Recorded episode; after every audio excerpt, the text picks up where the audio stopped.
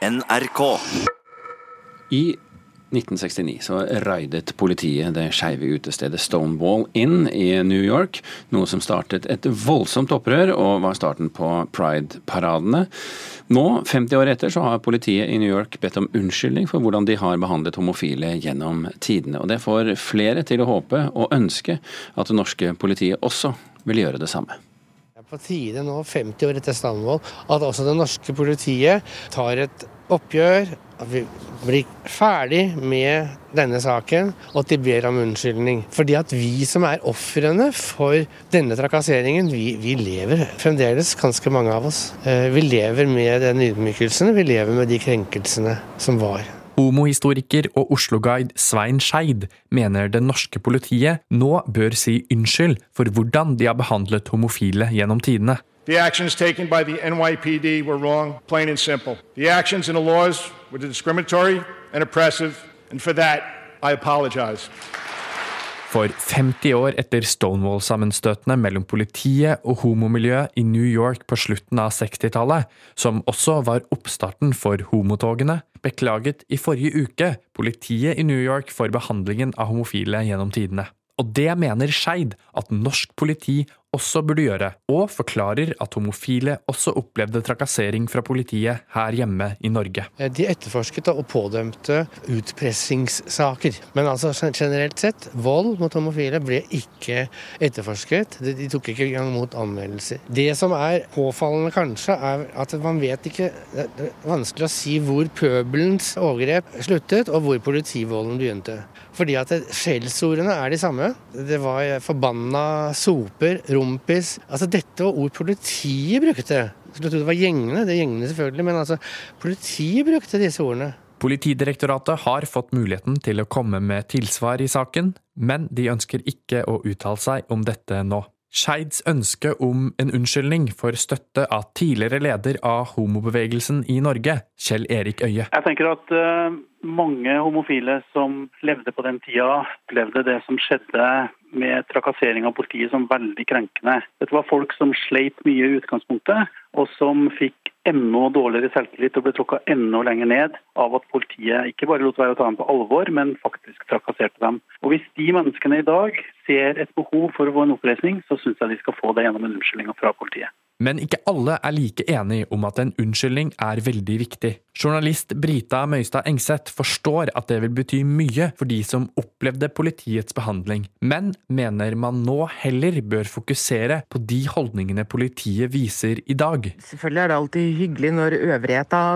ber om unnskyldning for eh, ting de har gjort galt, men jeg syns jo det viktigste er hvordan man oppfører seg nå, i sin samtid, og da vil jeg jo si at det norske politiet Politiet har vært et eksempel til etterfølgelse når de møter opp i homotoget i full uniform og viser seg og, og støtter hele arrangementet, så er jo det minst like bra som en unnskyldning for tidligere synder. Svein Skein mener en unnskyldning vil være viktig for homomiljøet, og det vil bety mye for ham selv. Du kan jo se på det som en, eh, en helingsprosess for ofrene. Og så tenker jeg vel at man faktisk Det vil bli lettere for, for lesbiske homofile å anmelde overgrep. Jeg tror jeg kommer til å gråte en skvett. Fordi eh, dette er noe jeg har eh, ønsket i mange, mange år sa homohistoriker eh, Svein Skeid, og reportere var Petter Pettersen og Elisabeth eh, Grøndal. Ingvild Endestad, leder for eh, Foreningen for kjønns- og seksualitetsmangfold FRI. God morgen. God morgen. Hva syns du? Bør det norske politiet si unnskyld også til norske homofile?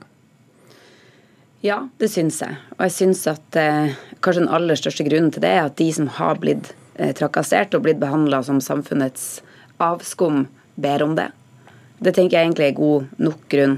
Og hvis det er hjelp til å komme videre, til å få mer tillit til politiet, og kanskje hjelp til også politiet å legge fra seg noen av de holdningene som fortsatt eksisterer der, eh, hvis øverste, øverste myndighet hadde vært ute og sagt dette skulle vi aldri gjort, vi beklager, dette er ikke holdninger som politiet forfekter. Men det at de nå går i pride-opptoget sammen med de homofile, er ikke det egentlig Viser ikke det at de har tatt eh, sine feil og mangler innover seg? Jeg syns det er veldig bra at de i mange byer går. Det er jo absolutt ikke i alle. Og det er jo en diskusjon i mange byer også om politiet skal gå, om dette er noe de kan støtte. Eh, og så må vi huske at En stor grunn til at politiet går, er jo fordi at eh, homofile, lesbiske i politiet sjøl har kjempa en kamp der for å få politiet til å gå. Så det har ikke kommet helt av seg sjøl, det heller. Hvis vi trekker eh, litt historiske linjer her, hvordan har politiet i Norge behandlet homofile? Det er jo en litt annen historie enn det som er i New York, der det var sånn målretta eh, trakasseringer og razzia. Men også her så hadde vi jo paragraf 213 som forbøy sex mellom menn spesifikt. Eh, og selv om ikke den ble brukt så mye, så var det en hvilende paragraf som gjorde folk redd, og som også kunne bli brukt da til utpressing, eller til da å ikke etterforske vold. Det var ingen som sa ifra hvis de var utsatt for vold til politiet, fordi det var ingen vits. Eh, og så vet vi også at det var sånne raid i f.eks. Altså i parker eh, der folk endte opp med å ha sex fordi det ikke var så veldig mange andre steder. Så var det også sånne raid målretta inn mot der for å fjerne folk. Mm. Har det vært eh, tilsvarende eh, opptøyer i Norge eh, fra det eh, homofile og lesbiske miljøet tilsvarende det vi eh, hørte om her i Stonewall Inn? Nei. Det, den historia i, i, Stonewall er jo litt sånn spesiell. Det er jo derfor vi markerer den over hele verden 50 år senere. Eh, fordi den ble symbolsk viktig, men også fordi den pågikk så lenge som den gjorde eh, mellom folk og, og politi. Men eh, det har vært et stille opprør for mange. Det har vært mange som har vært tause om det de har vært utsatt for. Eh, og så er det noe med å leve med det stempelet om at du er samfunnets avskum og syndig og, eh, og, alt som hører med, og at det til og med finnes en paragraf som skal forby det. Mm. For mange så hadde det vært fint å få den anerkjennelse av eh, hvilke konsekvenser det hadde. og og hvordan politiet behandler det. Men du, men du snakket i, i stad om at det pågår diskusjoner i flere norske byer om politiet skal være med i pride eller ikke. Hvordan, eh, hvordan eh, behandler norsk politi homofile og lesbiske i dag? Så vidt jeg kjenner til, så, så, behandles vi bra, hvis man kan si det sånn. Ehm, det skal jeg være forsiktig om å si for alle, for det er ofte ting man ikke sier ifra om. Men det vi vet, er at eh, fortsatt er det sånn at homofile, også på min alder, eh, som ikke var til stede eh, når den paragrafen var og sånn, har såpass lav tillit til politiet, er bekymra for hets. og det er ikke nødvendigvis fordi politiet gjør det, men det er fordi den historien finnes. At man f.eks. lar være å anmelde til mm. politiet hvis man er utsatt for hatkriminalitet f.eks. Så det er klart det har noen konsekvenser. Og den skeive historien i Norge er ganske kort. Det betyr at folk lever fortsatt, de som var med på starten. Eh, og kanskje, selv om det er veldig fint at politiet går nå, så er det kanskje litt mye å forvente at alle skal glemme alt det som har skjedd. Ingvild Endestad, leder for FRI, takk for at du var med oss her i Nyhetsmorgen. Hvem skal betale for nyhetene? I dag lanserer forskningsinstituttet til nyhetsbyrået Reuters en ny internasjonal rapport om mediebruk. Og den peker på ett problem. Folk flest vil ikke betale for nyheter. Kulturreporter Brage Lior, hvorfor ikke? Eh, en av hovedgrunnene som trekkes fram i rapporten, er at eh, folk rett og slett begynner å bli lei av å betale for eh, ymse abonnementer. At de har nok med å betale for bl.a. musikk og videotjenester, og derfor ikke er villige til å betale for, for nyhetsabonnementer i tillegg. Så sett fra vår synsvinkel, da, som jobber i mediene, så ser det litt helsvart ut? Nei da, eh, til tross for hovedfunnet om at eh, veldig mange ikke har lyst til å betale for, eh, for nyheter, så er det fortsatt en, en, økning i antallet som har digitale abonnementer på ca. 4% Det er drøyt en tredjedel av de som har svart på undersøkelsen, som sier at de har betalt for nyheter på nettet det siste året. Sier rapporten noe om hvem som er mest villige til å betale? Ja da, den eh, typiske personen som, som, betaler for digitale nyheter, er eh, kanskje ikke så veldig overraskende en, eh, et menneske med høy inntekt, lang utdanning, og som er opptatt av politikk.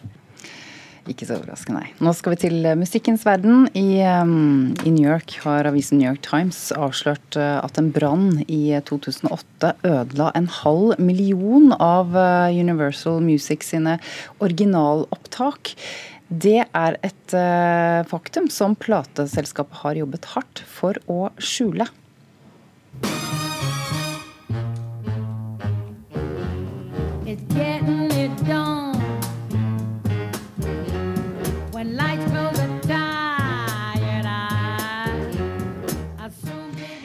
Hvilke opptak eh, er det som er ødelagt i denne brannen?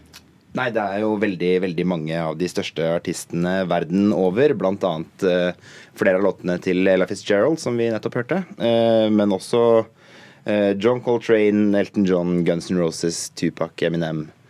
Når man mister en halv million låter, så er det jo mange som, som rammes. Hva slags opptak er dette?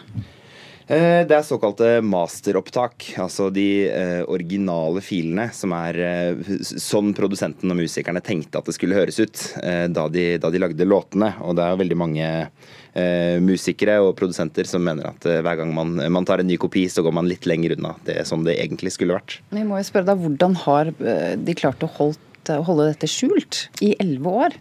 Eh, det er jo et, et, kunststykke. Eh, det er jo, grunnen til at dette kommer fram nå, er at eh, New York Times har fått innsyn i en rapport som veldig lenge var hemmeligstempla.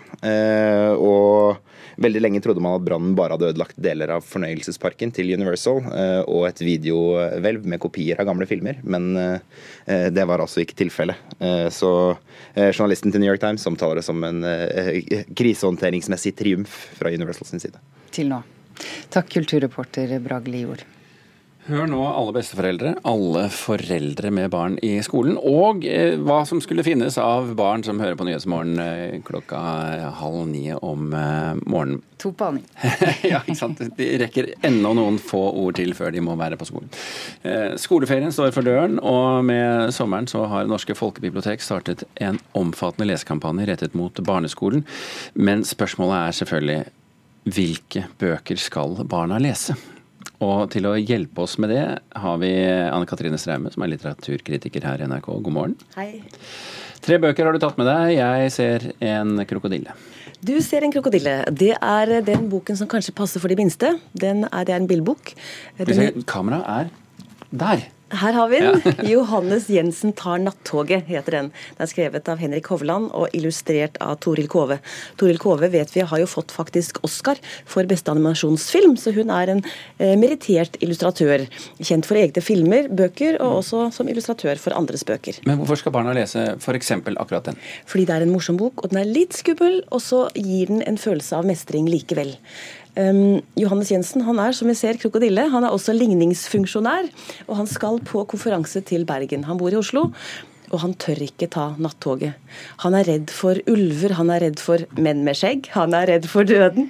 Det er så mye som er skummelt. Og hvordan skal han da overkomme denne frykten? På jernbanestasjonen så møter han doktor Fjell, som er av alle ting en elefant. Han er tryggheten selv, og sier ja, men du må ta deg tid. Kanskje skal du vente til i morgen. Så venter de en dag til, og så reiser de sammen til Bergen når han får tid på seg. Og Dr. Fjell forklarer også det at vi har frykt i oss fordi at vi skal holde oss unna det som er farlig for oss mennesker, og det som kan skade oss. Men frykten kan også hemme oss i, i livsutfoldelsen vår. Buffy by? Buffy by er en bok for litt større. Den er skrevet av Ingeborg Arvola og har illustrasjoner av Nora Brekk. Det er mest tekst i denne boken, så dette er for barn som kan lese selv. Um, det er en oppturhistorie. En fortelling om Buffy som bor i nedre del av Groruddalen i Oslo. Hun er i en familie med mor og en bror som lever på fattigdomsgrensen, eller helt under den, faktisk. Men det er ikke noe sånn sutre eller stakkars oss eller jeg blir mobbet av de som har mer penger enn meg-bok. Det er en bok om um, Buffy som tar utfordringene på strak arm hun eh, tåler det å ikke gå i bursdag fordi de ikke har råd til bursdagspresanger. Hun tåler å spise knekkebrød til eh, middag. Men så oppdager hun at hun har et talent, og det er at hun er så god i slalåm. Slalåm eh, alpint er jo noe som koster. Hvordan skal hun klare å få være med på slalåmtrening, og ikke minst en tur til Hafjell, en treningstur. Så her blir det intriger og mm, litt vanskelig for Buffy. Hun er ikke alltid helt redelig, selv om hun er en jente med opptur og tæl. Mange barn elsker monstre. Tar, tar, du kort eh, om den siste boken du har med? Ja, Den verste bøken jeg har sett, faktisk. Den heter altså 'Virkelighetens' Den verste bøkene? Ja, den er så skummel. Så jeg tror ikke jeg tør å dra verken til Australia eller til um, ørkenen i Sør-Amerika, fordi at du kan oppdage disse slangene. Altså Dette her er virkelige insekter, edderkopper, slanger, uh, amfibier, reptiler. Uh, og det er tegnet da av Line Renslebråten, uh, som tegner så naturtro, og også som Hun har nok understreket det grusomme ved disse monstrene monstrene. Men det er en bok som du kan bla i og bli skremt av, og som du kan også ha litt sånn fakta-news som du kan eh, briljere med i selskapslivet. Eh, Anne Katrine Straume, vi skulle selvfølgelig snakket mye mer, men formatet vårt er kronologisk, så vi rekker ikke mer i radioen. Så fint med andre ord at vi har flere bøker, disse eh, og enda flere til. Eh, anbefaling på nrk.no kultur. Der kan man lese mange bøker. Og så kan du også, tror jeg, ta en test. Hva kan du om barnebøker? Veldig morsomt. Takk skal du ha.